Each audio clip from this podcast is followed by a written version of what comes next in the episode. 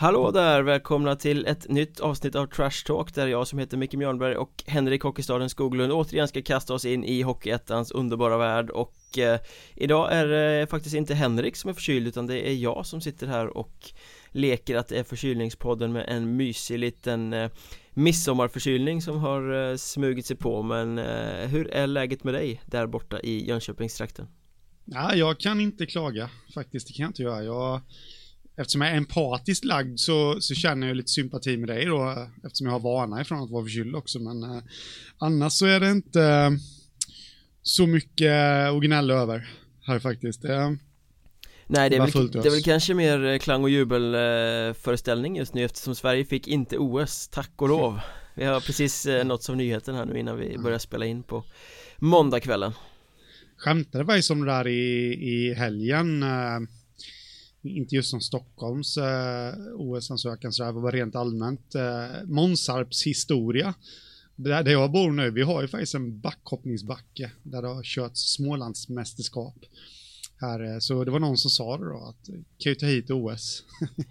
det, det, det hade varit något, så till viss del är jag det. Jag känner mig lite sympatibesviken över för Stockholm där då, men det kanske hade varit bättre att ansöka med Månsarp. Vi har bandyplan och, och alltihopa också, så det, det verkar verkligen vara så här 50-50 eh, för eller emot. Vissa vill väldigt gärna ha det, vissa vill inte ha det. Jag tillhör de som absolut inte vill ha det. Eh, Det har väl visat sig att det kostar mer än det smakar att ha ett OS och att dessutom bo i staden som då ska anordna skiten så eh, så blir det liksom bara massa kaos och arenor som ska byggas. Det är väl bättre att de tar de där pengarna och satsar dem på ungdomsidrott istället. Det, Ja eller på, på ishallar En jävla brist på ishallar i Stockholm men då ska de bygga en dunderarena för en OS eh, turnering istället då. Det, det, är väl mm. bättre att lägga de pengarna på fler isar så att fler kan börja spela i så fall kan jag känna. Och jag slipper gärna mäcket och möget. Vem fan bryr sig om en OS-turnering ändå? Det är så jävla ointressant med olympiska spel. De har massa skitidrotter som man bakar ihop i ett uppsamlingshit för att det är då de får vara med typ. Ja. Nej jag, jag håller inte riktigt med där. Sen är jag väl inte jättebesviken över att Sverige inte fick OS. Eh, men jag är, jag, jag är liksom du sa att befolkningen verkar väldigt tudelad så är jag i mig själv väldigt tudelad för det, det hade på något sätt varit riktigt häftigt att få uppleva ett OS eh, på hemmaplan så att säga då Varför? Du, du, hade ju inte sett annat än på tv ändå. Du lämnar ja, ju knappast Måsarp Nej, jag hade nog, jag hade nog snikit åt mig någon medieackreditering där. Åkt upp faktiskt och bevakat någon sån här... Rådel. Ja, rådel ja. Det, det hade varit något. Faktiskt. Folk i trikåer, det gillar man väl i och för sig men, men ja, nej, jag, är, jag är jävligt nöjd att det inte blev ett OS I alla fall, men nu är inte det här OS-podden Vi kan ju bara liksom upp, uppehålla oss kring nyheter sådär eh, Precis ungefär samtidigt som det signalerades, deklarerades ut att eh, Sverige inte får OS så kom också Lindlöven med sin lilla bomb att de har signat Alexander Kovalonok till att komma tillbaka till Lindesberg det, har ju varit på gång, han och sportchefen Thomas Östlund har ju suttit i förtroliga samtal några gånger in i Örebro och eh, filat på detta men nu blev det klart och din spontana reaktion på den värvningen? Alltså Alexander Kovalon, Kovalonok är ju liksom en, eh, alltså, en rutinerad hockeyettan-spelare som man eh, någonstans känner jag, man, man vet ju eh, han gör sina poäng så att säga och i fjol så gjorde han ju mer poäng än någonsin. Jag låter det vara osagt om det berodde på Conny Strömberg till en början där i Arboga. Han hade ju någon som eh, kedjekamrat där men, eh, men, men liksom man vet ju att man får ja, 20, nej, 30 poäng. Minst. Av honom. Absolut, ja minst ja. Så liksom, eh, det är ju en klassvärvning skulle jag vilja säga utav Lindlöven och, och eh, ja, det är bra för dem. Ja, sen är det ju lite så, han har väl ett bra jobb där på någon eh, byggfirma om jag har förstått saken rätt Så att han vill väl ogärna lämna eh, liksom området, det är väl Örebro med omnejd och han har ju hoppat runt bland klubbarna där. Han har varit Kumla, han har varit Arboga, han har varit Lindlöven tidigare. Så att det liksom Han cirkulerar lite mellan klubbarna. Eh, de får turas om att begagna sig av hans eh, tjänster. Jag snackade med honom för någon månad sedan kanske, då sa han att Jag har liksom inga sympatier så för någon klubb, han kommer inte från stället från början. Ehm, så att han har liksom ingen lojalitet någonstans. Vilket gör att han kan hoppa på, på det sättet. För många andra är det ju svårt. Men Lindlöven behövde en eh, rutinerad pjäs De behövde någon som gör poäng nu när de inte fortsätter med Niklas Lihagen så att eh, det, det, känns rent spontant som en rätt klockren värvning som de gör för att det var väl lite det som brast vintern som gick när de floppade att de hade inte liksom rutin som levererade och för många unga som hade för lång startsträcka. Mm. Ja, precis. Så det, och i och med att han varit i klubben innan så känner han till klubben så att säga. Det, det är väl inte så mycket spelare kvar men eh, folk runt klubben och sådär så han behöver ingen inkörningsperiod heller. Och han, han lär väl knappast flytta heller eftersom han lär ju bo kvar där han nu bor. Jag har ingen aning om var han bor, men äh, där i området. Ryktet säger ju att han var nere och lyssnade på Kalmar, men äh, valde att inte gå vidare. Mm. Och å andra sidan så har väl varenda poängstark spelare i hela ettan varit nere och pratat med Kalmar känns det som. Så att, äh, han har väl en liten, äh, litet äh, förflutet i Nybro också om jag inte helt fel. Ja, han, han gjorde väl någon säsong i Allsvenskan och ett par i, i Hockeyettan om jag inte minns helt fel galet där och eh, gjorde helt okej okay med poäng också på, på ettan-nivå då i Nybro men eh, han har ett förflutet där. Det är en poängfarbror helt enkelt. Ja, ja, ja, herregud. Um, och apropå Niklas Lihagen så ryktas det ju nu att han nog ska spela med Köping kommande säsong. Mm. Ja, det blir ju vad ska man säga, alltså man vill gärna säga att det blir ett kanonförvärv för dem. Eh, vilket jag känner att det blir. Han fick inte riktigt ut vad, vad han har fått ut tidigare. I Lindlöven nu senast. Eh, känner jag i alla fall. Eh, visst han gjorde 19 poäng men man kanske hade förväntat sig lite mera. Jag vet inte riktigt vad du hade förväntat dig. Men... Nej, det var ju, alltså han gick ju mycket skadad också och sen så den leveransen som det borde ha varit var det väl inte heller. Nej, eh, Nej. Att, eh... han spelade bara 22 matcher men, men så det, det är han ju ursäktad för självklart. Det är ju skadeproblem. Men man vet ju inte om de här skadeproblemen fortsätter då, men någonstans så ja, Köping, det, det, det är ju ja, det är guldförvärv för dem. Om det om nu blir så, ja precis. Ja. To be continued som vi brukar säga. Vi, ja. vi ska återkomma till lite andra silly moves och sånt där lite senare, men vi pratade om OS, det var ett stort beslut. Vi hade ett annat väldigt stort beslut för, ja det är väl någon vecka sedan nu, en eller två Eh, förbundsmötet som skulle bestämma över svensk hockey Det var väldigt upphåsat Ola Lundbergs förslag om att ett lag ska gå upp och ett lag ska gå ur eh, de olika serierna i kvalmekanismen låg på bordet och det röstades igenom. Oj oj oj vad förvånade vi inte blev. Nej, det, det blev man ju inte för det är vad man har hört lite och sånt där så hade ju, eh, för att uttrycka det väldigt snyggt och korrekt då, så hade ju Svenska ishockeyförbundet gjort ett fantastiskt fint lobbyarbete innan. Och eh, sett till att innan de la fram förslaget och kanske till och med efter att det var lagt, att, att det skulle bli framröstat så att säga då av eh, respektive distrikt. Eh, där måste jag bara flika in att väldigt, väldigt starkt av Södermanland att eh, rösta emot eller ja, inte ställa sig bakom förslaget i alla fall. Ja, jag som inte rör mig med så fina och flotta och diplomatiska ord som eh, du gör skulle väl snarare säga att det där kändes ganska riggat Det ja. var bestämt på förhand att det där förslaget skulle gå igenom och Jag menar, Hockeyallsvenskan vill inte ha det, Hockeyettan vill inte ha det, det är de som ska liksom beröras av det. Eh, SHL tyckte att det här var Lattjo så att det där har ju de garanterat om jag får gissa. Och om man går på hur det snackas, tåtat ihop. Det ja, är ju ja. så väldigt mycket politik i sånt här så att eh, mm. Det handlade inte om svensk hockeys bästa i framtiden. Det handlade om eh, Hockeyförbundets skinn och eh, väldigt mycket politiska mekanismer bakom kulisserna Ja, eh, jag, jag, håller med dig. Jag, säger inte, jag har också hört det här. Jag vet att, eh, att eh, liksom det, det, det, är den största skräcken som finns att åka ur SHL och det var ju såklart en seger från klubbarna att visst, nu blir det ett lag som garanterat åker ur, men eh, det blir inte fler. Och eh, det finns en del kapital också i SHL som möjligtvis skulle kunna gå till förbundet, jag vet inte. Men det är, det är lite så det känns och det är lite så snacket går faktiskt bland besvikna hockeyettan-ledare. Faktiskt då, ute i klubbarna. Eh, så ja, det känns, det, det jag blir väldigt, väldigt upprörd över det är ju att eh, alltså Hockeyettan har ju ändå, de har inte skrikit, de har inte stått på några barrikader, men de har ändå tagit upp det lite försiktigt där innan att det här förslaget kanske inte riktigt tilltalar dem. Eh, men det känns inte som att förbundet har gett något gehör och eh, ja, jag vet, det, det känns som att eh, förbundet behandlar rent generellt. Jag har hört väldigt mycket här nu sen sen den här omröstningen skedde då, att rent generellt den samlade bilden man får av allting man hör och sånt där, det är ju att eh, förbundet behandlar Hockeyettan som eh, den oönskade sonen på något sätt, eh, men som de samtidigt vill styra över. Mm, ja, så har det varit länge, jag tycker det, så backar man hela vägen, jag har ändå bevakat den här ligan sen 2009 någon gång, liksom den samlade bilden är ju att, att eh, förbundet faktiskt gör mer skada än nytta för mm. Hockeyettan Med tanke ja. på ogrundade beslut, med, med tanke på maktutövning i många fall mm. Som att de Ja men de vill utöva sin makt men de vill fan inte bjuda till och hjälpa till eller underlätta någonting Nej, nej det, det känns Eller känns som det, jag är nästan beredd på att säga att det är så uh, Utan att vara insyltad i vare sig förbund eller distrikt eller klubbar, men, men som sagt så som snacket går och så som snacket har gått i flera år så, så är det så där.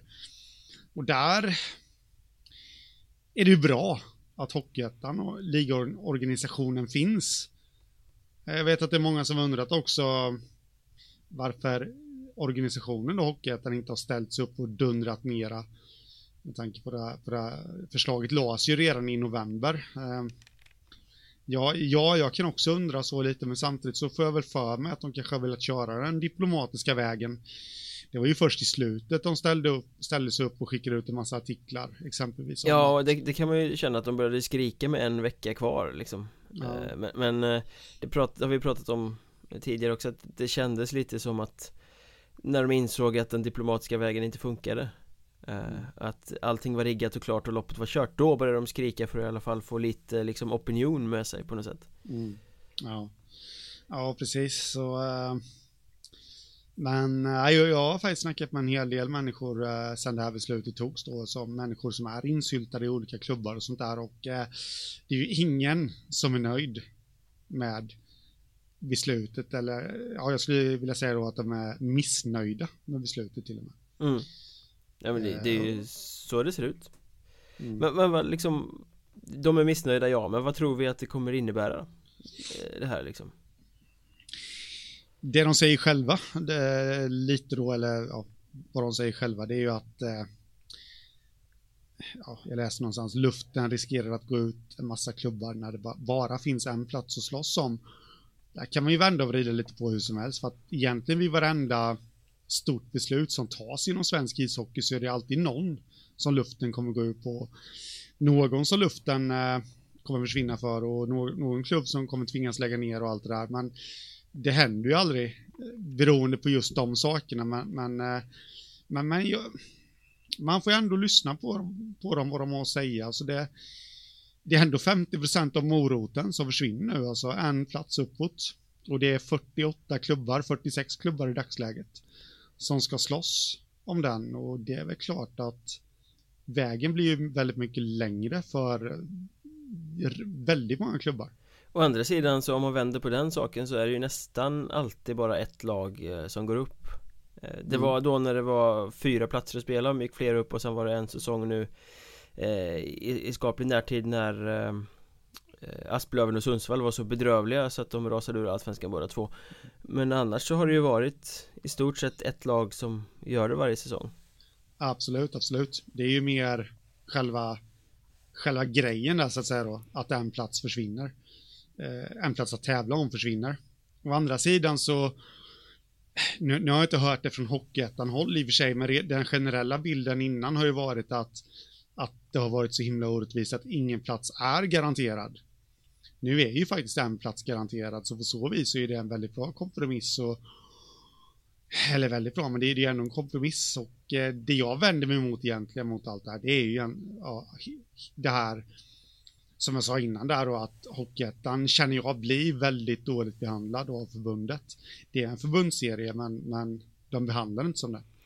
Och eh, det jag kan känna är den största liksom, minuset är ju att det här riskerar att döda den kommersiella potentialen i Hockeyettan Den är inte stor mm. som det är idag men den blir mindre av det här beslutet för den här ja. kittlingen med en kvalserie där två ångestdrypande allsvenska lag ska möta fyra lag från Hockeyettan Försvinner för någon typ av kvalmekanism där Hockeyettan-lagen ska möta varandra själva och, och utse ett mm. lag som går upp eh, Och blir det fel lag som gör upp det där så kommer ju ingen bry sig eh, Jag menar sport, som... Sportbladet har ju sänt kvalserien två år i rad nu men det har ju de köpt För potentialen mm. att få, få heta Hockeyallsvenska lag ner och lite sådär eh, mm. Jag tror inte att det är alls lika intressant med bara Hockeyettan-lag utan man vill ha det här mötet emellan Sen ska jag säga att jag är väldigt mycket för att ett lag ska gå direkt upp och ett lag ska åka direkt ur eh, Det är jag pro, det tycker jag är superbra men det, sen tycker jag ju att man precis som i fotbollen ska ha någon form av kvalspel där under mm. Eh, så att ett ja, lag direkt absolut. ur, ett lag direkt upp och sen kval mellan ettan och allsvenskan i någon form eh, under där, då finns det två platser att spela om och man har direktuppflyttning också Nu blev det liksom mm. som att Ni får direktuppflyttning men vi tar bort allt det andra mm. Ja men precis. Och sen det du sa om det kommersiella värdet där det om vi bara drar två lag då, alltså jag har ingen aning om hur de ska lägga upp kvalet där, men det krävs väl kanske ingen direkt Einstein för att man kunna lista ut möjligtvis att eh, allettan södras vinnare kommer möta allettan norras vinnare och då menar jag inte serievinnare utan jag menar mer att man kanske sköter playoffspelet och kvalspelet inom, precis som det är i NHL då, att öst och väst möts först i en final. Att det kanske kommer komma i en final Eh, och det hoppas jag verkligen inte att det blir så. Eh, för oss som har nördat ner oss i ligan så är det ju jäkligt kittlande med Troja mot, eh, mot Piteå. Eh, Magnus Isaksson mot eh, liksom eh, Viktor Ragnevall där. Men, eh, men det är ju inte det för gemene man. Då kanske man hellre skulle vilja se Troja emot, eller ja, varför inte Nybro mot Kalmar i en direkt avgörande final. Men så kommer det väl förmodligen inte bli, för jag har väl en känsla av att kommer Hockeyettan vara så här stor så kommer man nog försöka dela in det geografiskt i alla fall. Ja, och, och, och där har du ju hela problemet till att man inte kan ha en final. Uh, för att, eh, att ha, har man en final så blir det kommersiella värdet helt exakt extremt avhängigt vilka lag som tar sig dit. Mm. Jag mm. menar när Huddinge och Borlänge spelade Hockeyettan-finalen uh, för något år sedan Då var det inte en jävel som brydde sig Eh, för de hade Nej. inte tillräckligt med fans Alla tittade på andra playoff-möten hit och dit liksom sådär um, Så att jag tror att man måste ha kvar en kvalserie på något sätt i det här Och försöka undvika en final så långt det bara går. För att det riskerar att bli uh, Viktigaste matcherna på året som egentligen inte blir intressanta för någon eftersom det kan vara lag som har för lite liksom intresse runt sig i landet. Ja Ja, ja, absolut. Man är krass när man säger så, det kan låta rätt illa men eh, Tyvärr så är det nog så.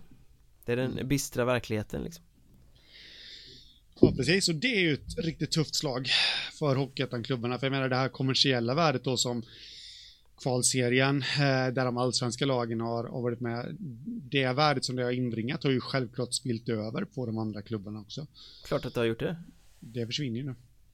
Så att, eh, ja, och på, och på sikt så jag tror väl i och för sig inte att, att toppen på, på ettan kommer bli sämre av den anledningen men eh, Det känns ju lite, du säger man tar bort 50% av moroten och det är ju, det är ju liksom ett faktum.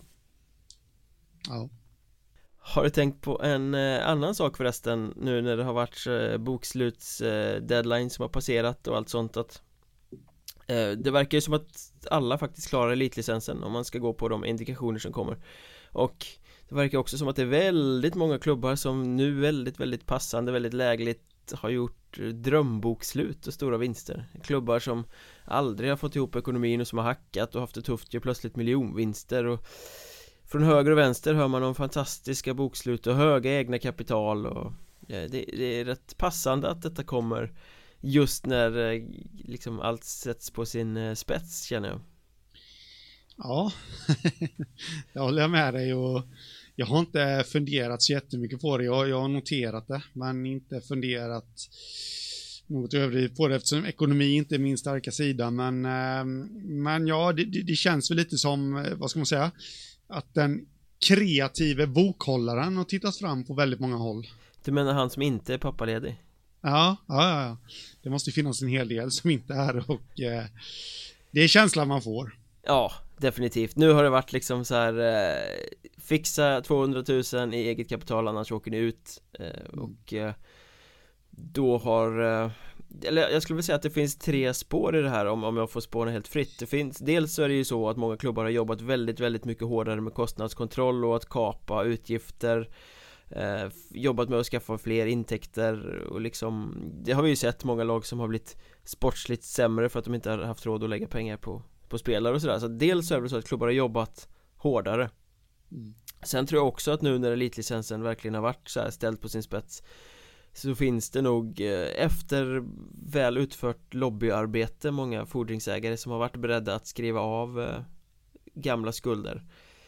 Eller göra om gamla skulder till något sponsringskontrakt eller någonting för att få bort ur eh, Ur liksom bokföringen. Så att man ser liksom att klubben kommer gå under om vi inte hjälper till här och då har fler mm. varit villiga att göra det. För, mm. på något sätt. Plus då att som du säger att det har varit mycket kreativ bokföring. Man hör ju lite småmummel och rykten om eh, ja, inventarier som har värderats upp på lite märkliga sätt och sådär. Eh, Så att jag tror att det är de tre eh, faktorerna som gör att vi plötsligt ser fantastiska bokslut överallt.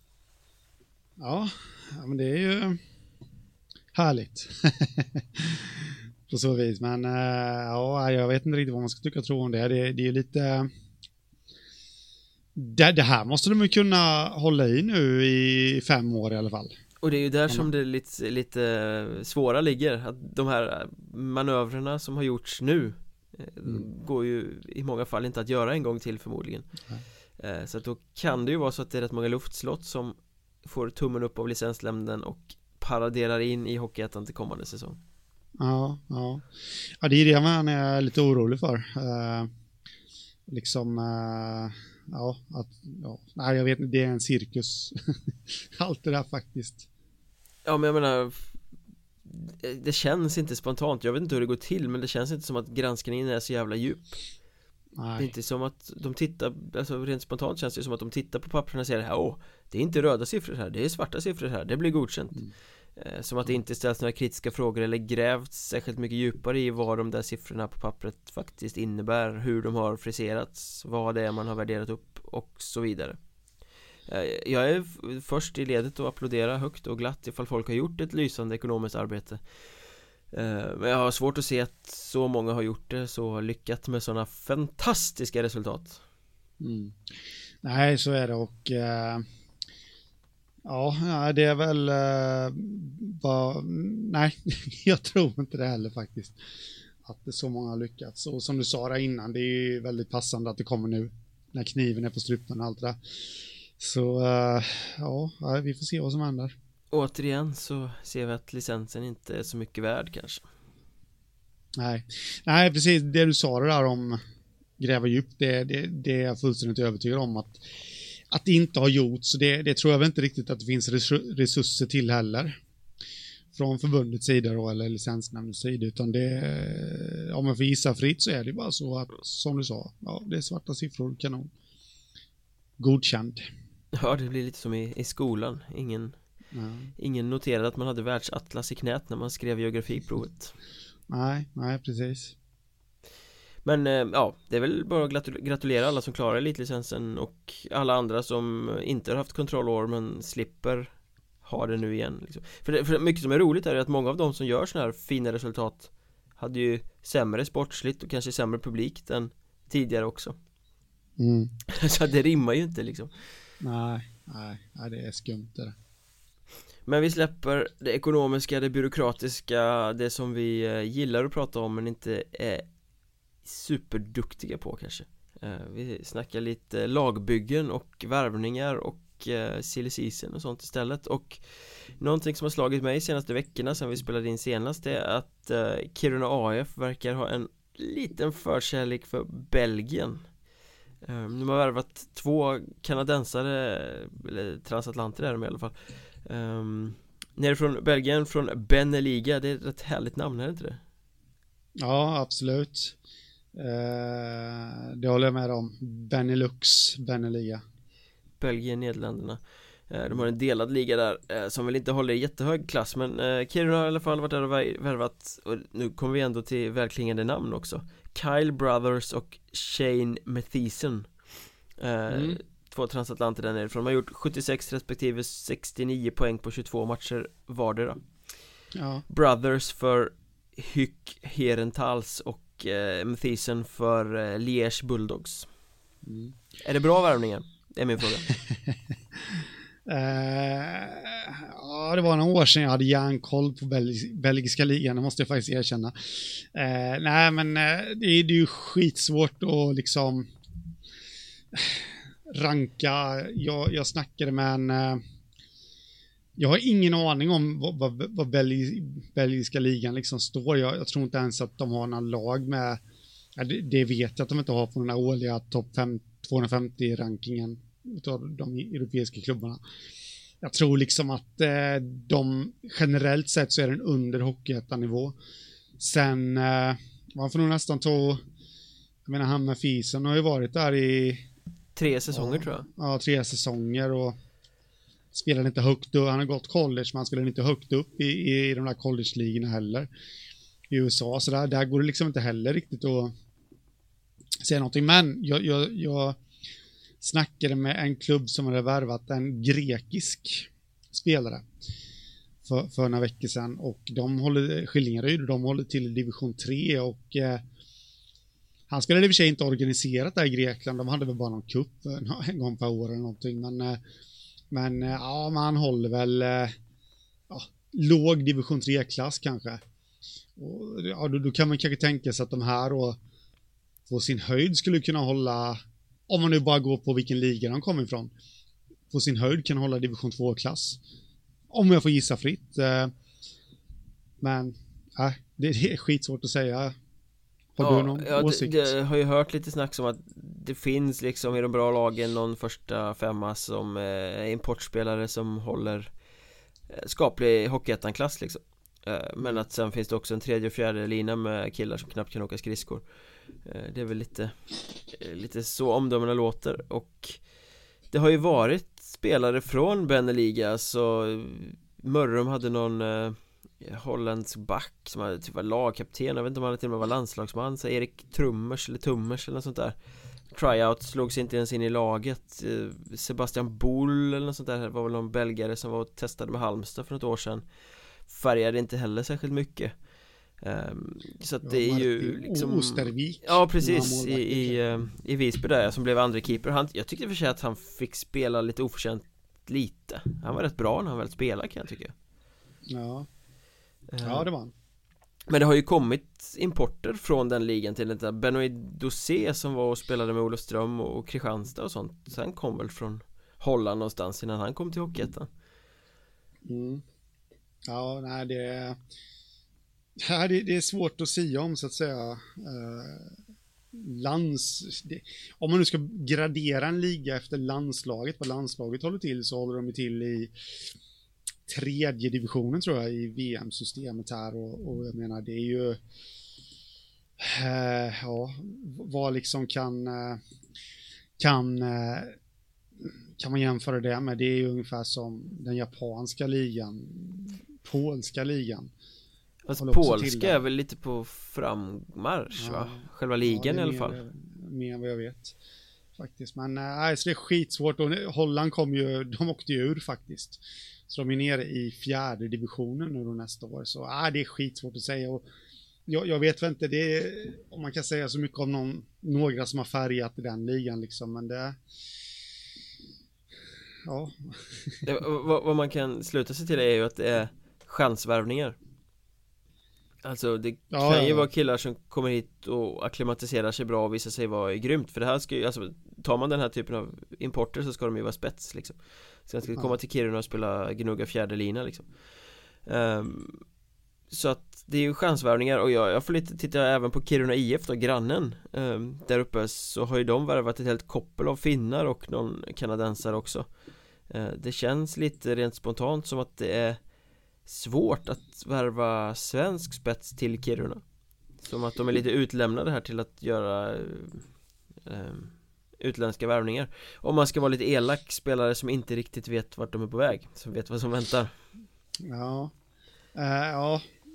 Det känns lite så Jag gjorde ju en egen liten så här totalt ovetenskaplig undersökning här innan vi drog igång och Fem av sju som Kiruna IF har värvat är importer och eh, fem av åtta som grannen AIF då har värvat är svenskar. Dock en del svenskar utav dem har anknytning till Kiruna på något vis. Men eh, det är viss skillnad mellan klubbarna också, men eh, rent generellt så, så känns det ju ändå som att det är lite svårt att locka svenska spelare till eh, till Kiruna och oklart varför. Det, jag har aldrig fått den känslan innan riktigt.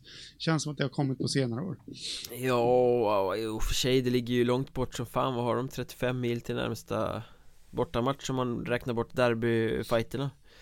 Eh, I en serie som får spela på färre lag än tidigare så det blir färre matcher. Eh, kallt, mörkt.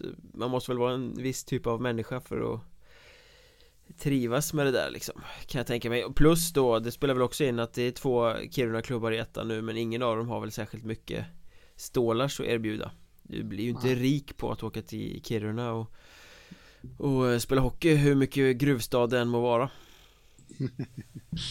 Nej, det, det, det är sant det eh, faktiskt. Och så en annan sak som slog mig lite där.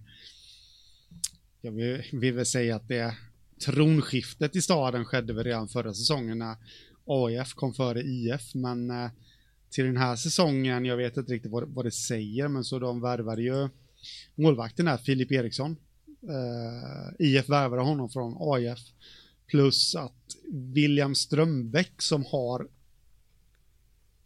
IF som moderklubb återkom, fast denna gång till AIF. Och han kom från Long Beach Bombers. Ja, den är lite känslig. Ja, faktiskt. Så att, eh, ja, jag vet inte riktigt eh, så, hur stod, Så du vill ju då hävda att tronskiftet är eh, långt framskridet och att två Beneliga-värvningar kommer vara grädden på moset som verkligen liksom highlightar detta?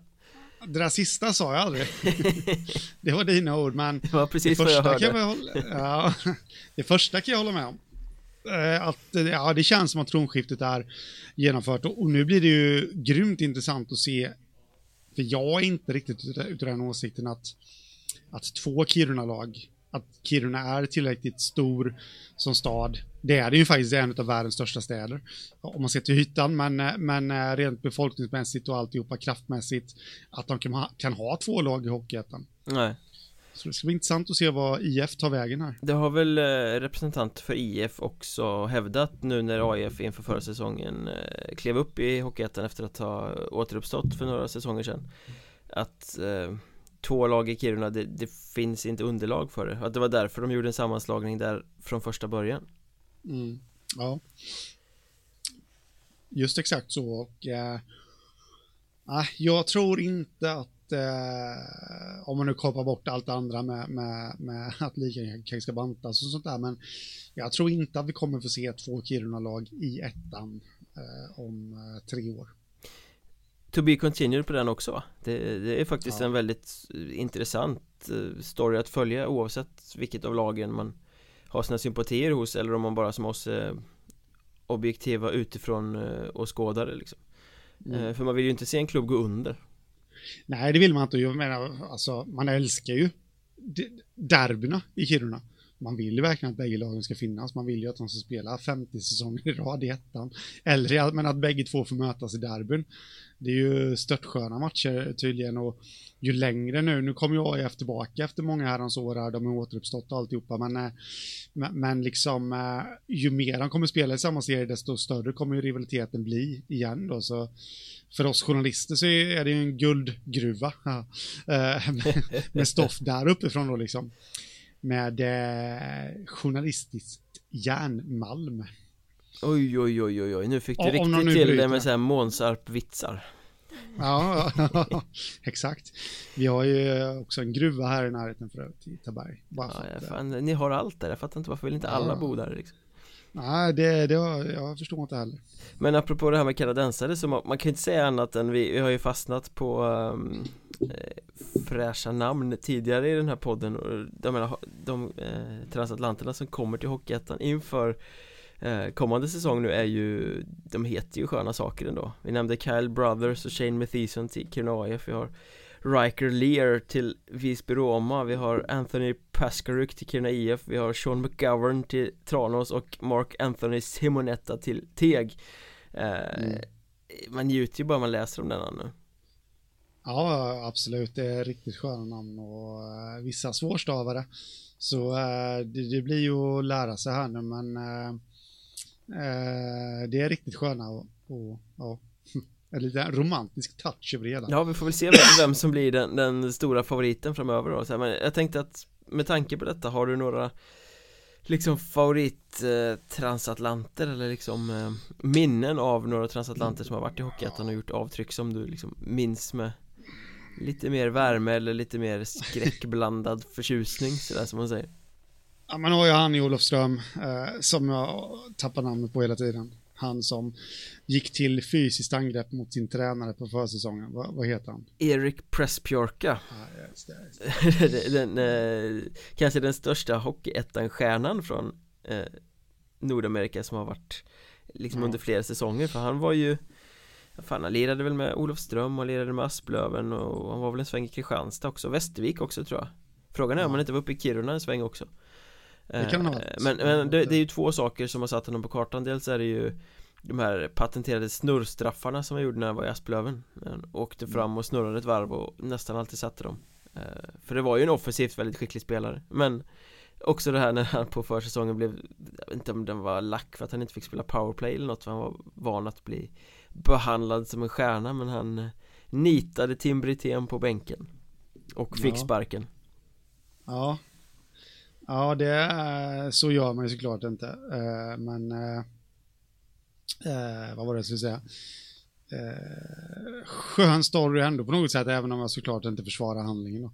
Så att ingen tror det, men ja. Nej, den har ju blivit, det är det han är ihågkommen för. Han gjorde ju väldigt mycket poäng och väldigt mycket bra i Hockeyettan, men det är ju just den där Eh, Tim Brithén hade vita eller beiga byxor på sig också så det syntes väldigt tydligt ja, det, man ska inte skratta egentligen, men den... Eh, ja, vi, vad, vad, har vi mer då? Eh, jag, jag, vet inte riktigt när han, när han spelade i, i ettan. Det kanske var innan ettan blev... Kommer du ihåg han? Mike Hooker? Ja, han var väl uppe i, fan var det inte Ore eller Kramfors eller något va? Ah, Brunflo Ånge. Ja men det är samma typ av klubbar Östersund, Brunflo när de hade sammanslagning där ja. Eh, det är ju också ett sånt där fantastiskt namn med tanke på vad hooker betyder på på, eh, på, på svenska då, om man skulle översätta det. Det ska vi inte använda sådana namn här, här då kanske, men... Eh. Det, det, får mig osökt, osökt att tänka på Vita Hästens back som var där något år innan de gick upp i Hockeyallsvenskan tror jag, Mike Beck eh, Fantastiskt roligt med tanke på att han då delade namn med en svensk porrfilmsregissör med klassiska titlar som Ridskolan, Ridskolan 2 och Farlig potens på sin eh, meritlista det, det, gav ju liksom ofrivilligt eh, upphov till roliga skämt om att han blev utvisad för hög klubba och sånt där ja, precis. Och, ja. Till, till protokollet ska väl föras att han var ganska bra också. Det var en ganska stabil och rigid back från Los Angeles-trakten någonstans om jag inte minns fel. Ja. Men du, han, uh, han uh, gjorde aldrig några filminsatser här i Sverige, antar jag. Nej, han uh, filmade väl på sin höjd till sin någon två någon gång. Ja. Sen har vi ett annat skönt namn också. Sean Snyder om, om man nu liksom, han gjorde ju ändå en del eh, poäng där, snidare. Var med Örebro, Asplöven framförallt va? Ja, det kan han ha varit. Eh, Luca Venuto, Daryl Bat. Är ju Bat fladdermus liksom det. ja, pratar vi ändå lustiga anekdoter så, så måste man ju ändå nämna Ryan McLeod också den här eh, fylleköraren helt enkelt som var så jävla packad efter något kalas att han brände rätt igenom en rondell nere i Blekinge. Han spelade i för Olofström eh, Eh, haffades av farbror polisen eh, fick åka hem, sova ruset av sig. Sen när de kom och skulle hämta hans pass dagen efter så var han putsväck och hade flytt landet. Eh, det, verkar som att det var mycket sånt nere i Olofström där på den tiden. Vi har Pressbjörka som nitade sin tränare. Vi har Ryan McLeod som brände det till med en rondell. Sen något år efter det så var väl Erik Hjalmarsson också ute och fyllekörde lite där bara för något år sedan så hade vi ju en spelare som eh, dömdes till fängelse för människorov efter att på fyllan släpat in sin käresta i en bil och kört ut den i skogen och jag vet inte fan vad det var Det var väldigt väldigt mörk historia Ja, ja det, det känns som Olofström kanske man ska hålla sig borta ifrån då på sin semester. Vi kanske ska känna oss lättade att de är nere i division 2 nu för tiden. Ja. Eh, vi har ett annat eh, väldigt skönt namn också som eh, Kurt Wahlsten. som faktiskt då är kanadensare, så jag antar att det ska uttalas Kurt Wahlsten. Han, han uh, körde... Kan han, du körde, säg, det, säg det en gång till, fantastiskt. Kurt Wahlsten. uh, kom faktiskt till Bräcke IK. Uh, jag har lite dålig koll på hans statistik där, men uh, kom till Bräcke IK 2003, men innan dess har han faktiskt spelat i Gullegem Jets i Belgium. Oj, oj, oj. Det vill säga ja. föregångaren då till Beneliga innan de slogs ihop. Så det, det var ju en väldigt eh, passande sak i denna podd. Eh, ja, det, det, finns ju hur många som ja, helst. Vi, vi, har ju två, två stycken också. Om man ska gå på spelare som både var väldigt bra och hade sköna namn så um, Alex Brooks Som ju ja, kom uh, eh, NHL-rutin och uh, spelade hård backjävel i uh, uh, Karlskrona. Han, han betyder ju hur mycket som helst, de gick inte upp det året men han var ju Ja, aldrig sett en back vara så dominant i, i Hockeyettan tror jag. Eh, Det var någon mm. viktig playoff-match, jag har en minnesbild av, jag kommer inte ihåg vem som gjorde det eller hur det skedde Men han tappade hjälmen och någon motståndare tog upp den och spottade i den. Han bara satte på sig den och spelade vidare som liksom Som att det inte hade hänt. Eh, Klockren back. Och sen hade vi ju Också eh, Bates Battaglia.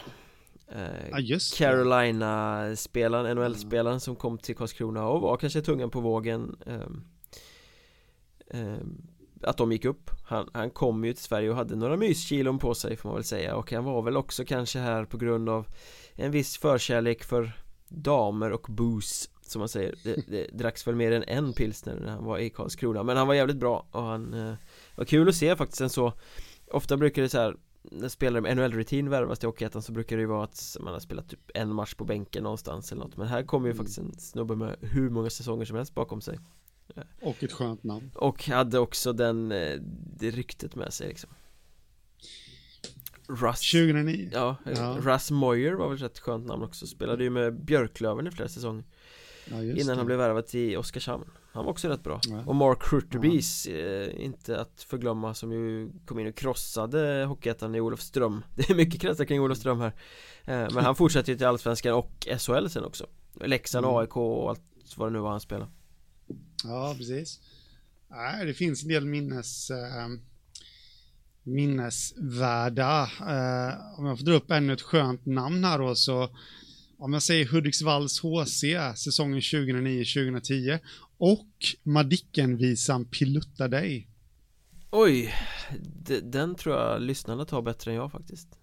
Ja, det är väl Vi gör som så då att eh, lyssnarna får faktiskt svara på den här vilken kanadensare det handlar om. Skriv till oss i våra sociala medier. Att Mjolberg heter jag, att Hockeystaden heter Henrik och att Mjolberg podd heter poddens twitterkonto.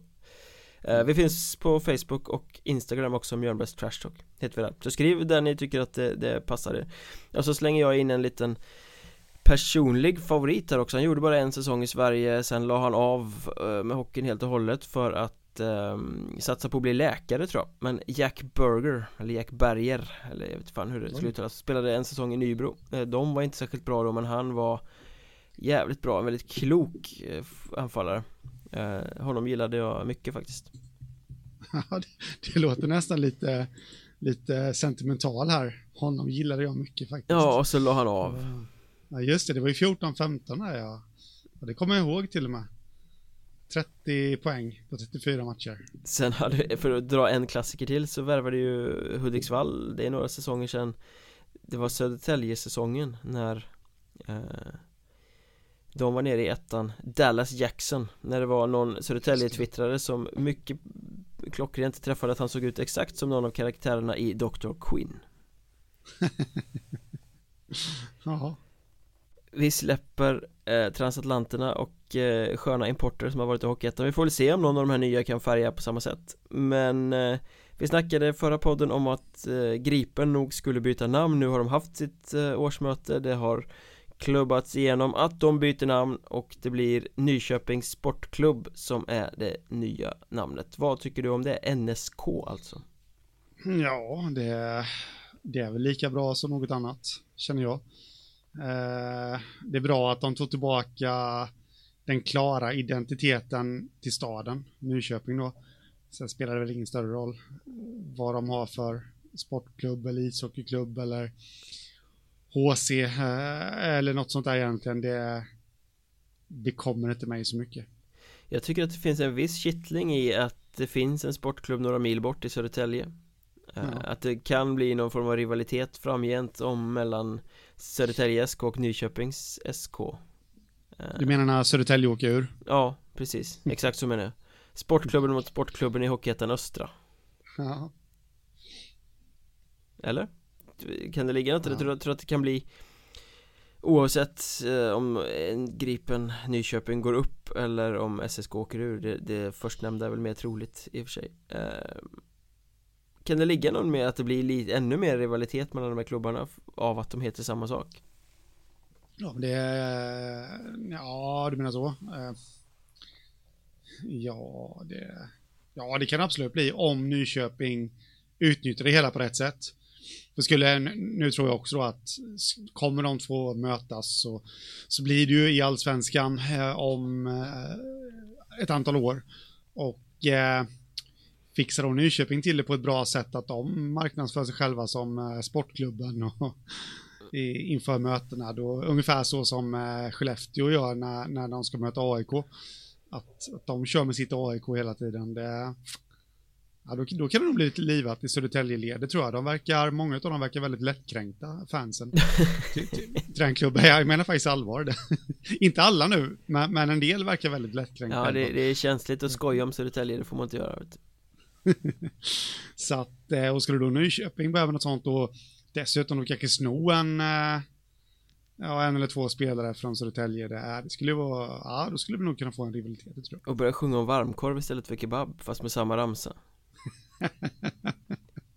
ja, det skulle få med sig land eller stadens bagare också till att göra Nyköpings kringlor och sånt där. Det skulle ju vara guld. Ja, vi, det, det här längtar vi efter. Ja, ja, ja, absolut. Vi har sett ett avhopp också. Um, Tobias Johansson klev av som uh, Uber Headmaster över uh, Kalmar HC Ja. Gjorde han. Det tror, jag du, det tror jag du är mer lämpad att prata om än jag för du har bättre koll faktiskt.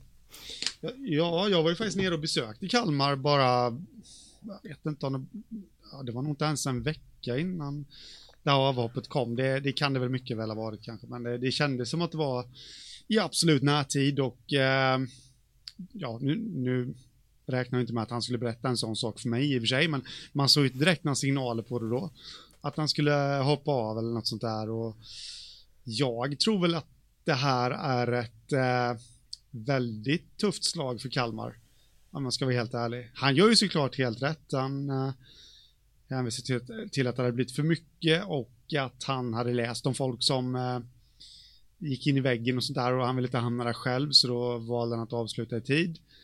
Eh, vilket är bra. Livet utanför hockeyn går alltid före hockeyn. Eh, men samtidigt så för Kalmars del, så Kalmar HCs del så är det nog tufft slag, det tror jag driftig person som jag väl skulle vilja säga, utan att veta helt exakt, men eh, hade inte han kommit in i styrelsen där och valt som ordförande 2015 tror jag att det var, då hade ju aldrig Kalmar varit i Hockeyettan nu. Det tror jag faktiskt inte. Det är han som har dragit i trådarna och sånt där. Sen finns det aldrig säkert andra kompetenta människor i klubben, men det krävs ju att det är någon som har energin och dra lasset också. Det är ju frågan då vem som... Han har ju haft klubbhjärta. Nu skulle man anställa en klubbdirektör, klubbchef eller någon slags säljansvarig. har de sagt, marknadsansvarig och ja, det är kanske en person då som bara kör, jobbar 8 till 5. Mm. Och sen går han. Sån har inte han varit. Så, och det behövs nästan sådana eldsjälar alltså nu, nu på den här nivån och eh, nu testas Kalmar. Jag skulle vilja säga, de har bara varit i Hockeyettan ett år. Nu testas de på allvar för första gången under den perioden. Under faktiskt hela perioden sedan 2015 skulle jag nog vilja säga. Det har varit lite skriverier om sponsorer hit och dit och så, eller speciellt en sponsor då som media inte ansett haft rent mjöl i påsen, men det har de klarat sig undan ifrån liksom, så att, eh, men nu tror jag att det kan bli lite tyngre. Jag tror inte det kommer påverka den här säsongen, men till nästa säsong efter den, alltså 2020-2021, då ska nya sponsorpaket säljas. Nya lägenheter ska fixas. Eh, nu har de en sportchef också givetvis, men jag får för mig att Johansson har varit inblandad där med, i mycket sånt som sportchefen gör också. Eh, då krävs det ju, ja, ja nu testas de. Mm. Det blir intressant att se. Sen var det lite lustigt också att Nybros ordförande var ute och kommenterade på någon nyhetsartikel eller något sånt där när det här kom fram att var, nu får vi se vad som flyter upp till ytan eller något sånt där. ja. Eh, högst ogenomtänkt skulle jag vilja säga. Alltså jag jag kommenterade det där, eller jag delade någonting om det på Twitter och uttryckte lite att man kanske inte ska uttrycka sig så riktigt så och då fick jag en massa, givetvis en massa arga Nybro-fans efter mig. vissa utav dem är i paritet med SSK-fansen där. Vilka är mest, mest uh, lättkränkta, SSK eller Nybro? Uh, jag skulle nog väl vilja säga att det fortfarande är SSK. Men det är väl mer att de har mer fans. okay, oh, oh. Ett större urval. Men, men uh, att, ja men Tobias Johansson håller på så också. Ja absolut, han har också varit ute och svingat en hel del. Men jag tycker väl ändå att det är lite skillnad att kommentera med en sån kommentar under en artikel där någon hoppar av med hänvisning till att ja, man vill prioritera sin dotter och sånt där. Det, hade han inte lämnat en hänvisning eh, överhuvudtaget, liksom jag hoppar av och, och skylt på något så här luddigt, ja men då, då hade jag väl kunnat köpa den där kommentaren, även om jag inte tycker att styrelsefolk överlag ska vara ute på sociala medier faktiskt. Nej, det, det är väl en jävla skillnad på en supporter och en ordförande. Ja, faktiskt så att eh, i det sammanhanget så tyckte jag inte riktigt att den kommentaren passade. Eh, om man ska vara helt ärlig. Eh, men... Nej, han fick väl pudla lite sen också. Ja, jo, han, han kom med någon väldigt luddig och diffus förklaring som inte kändes riktigt genuin kanske. Sen ska jag säga det att eh, jag, jag gillar Nybros ordförande. Jag tycker han är riktigt kompetent. Han har gjort ett skitbra arbete med Nybro. Så det här var ju bara en isolerad händelse som jag kände att eh, äh, det här måste lyftas nu på Twitter. Eh, jag tyckte inte riktigt att det passade. Eh, men, men, eh, generellt så tycker jag bra om honom. Eh, aldrig snackat eller träffat honom, men, men vad man läser och hör så verkar det vara en, en hyvens kar. Det där är typ ett småländskt uttryck va? En hyvens kar. Jajamän. Så är det. Eh, Per Justeräng en hyvens kar. Ja Han gillar vin och valium så att eh... Frågan är vad han gillar mest Vin eller valium? Vi får ringa och fråga honom. Han sa väl i någon eh, intervju med Mr Skrivsmedjan på Hockeysverige att han skulle ta mindre valium. Eller kanske twittra mindre om vin och valium, jag vet inte. Inför förra säsongen. Då fick han ju sparken från Tingsryd så att Kanske lika bra att återgå till eh, vin och valium Oavsett vad, eh, han tar över Hudiksvall, han var en jävligt skön, eh, ganska finurlig twittrare när han eh, hade och rattade Kriff. Hoppas att han hittar tillbaka till det. Och Spontant känner jag att det är ett rätt intressant namn för att ta över Hudiksvall som ju har uttalat målsättningen att vilja bli lite mer offensiva till kommande säsong och inte köra fast i det här framgångsrika men kanske inte jätteunderhållande försvarsdef-fokuset som de har haft. Nej, jag menar, Per Justeräng nådde ju framgång med Kallinge-Ronneby och eh, ja, det känns ju väldigt mycket som att eh, det, eller, det känns ju, det, det är ju så där, han fick ju inte han, han, fick ju aldrig ut sina idéer i Tingsryd riktigt för att eh, han fick tio matcher på sig. De hade massvis med skador. Och, Eh, jag tycker ju faktiskt att han blev, utifrån sett så tycker jag faktiskt att han blev orättvist behandlad i Tingsryd. Där. Han borde fått längre tid på sig och eh, få ihop sin grej där, men, men skitsamma. Eh, binet och valiumet har flytt, höll jag på att säga, men eh, nu är det nya tag och Ja, det känns ändå rätt intressant, känner jag.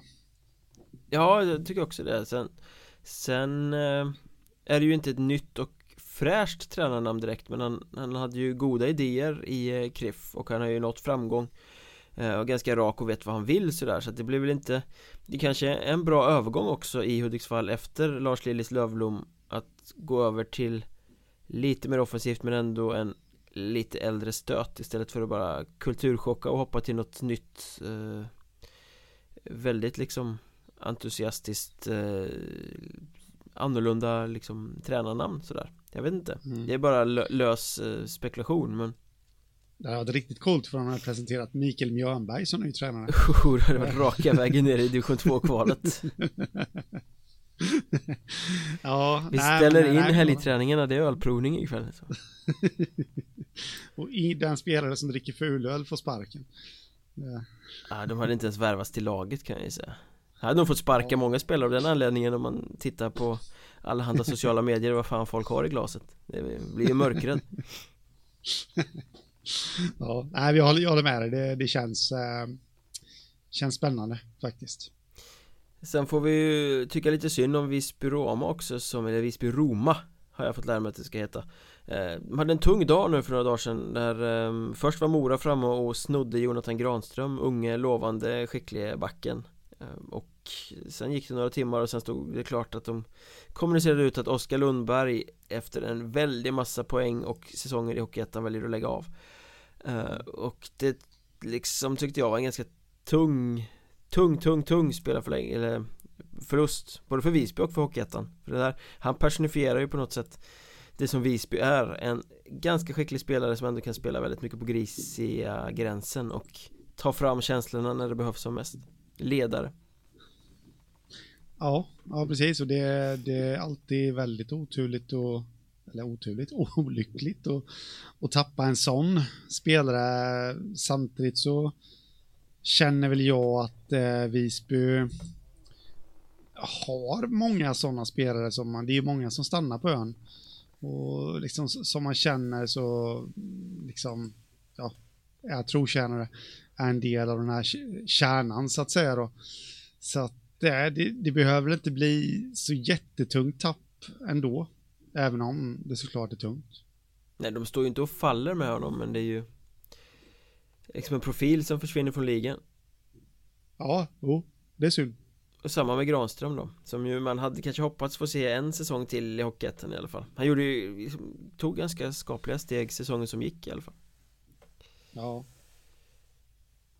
Ja det gjorde han, det ska faktiskt bli väldigt kul att se honom i Mora Känner mm. se vad han kan åstadkomma där Potential för utveckling Potential för utveckling finns det ju hos oss också men vi måste vara lite sommarlediga som man säger ja. Så nu dröjer det nog eh, tre veckor till nästa podd kanske Något mm. sånt mm. Henrik ska ha två veckors semester, jag ska iväg till Spanien En eh, sväng, kommer tillbaka Men eh, Även om det blir någon vecka längre mellan eh, avsnitten så lägger vi ju inte ner det för sommaren som så många andra gör utan det kommer ju hända saker och vi kommer finnas till er tjänst och leverera några poddar här eller var så att ni kan ha något i löparspåret eller på stranden eller till grillfesten eller vad ni nu tycker att vi ja. passar som bäst.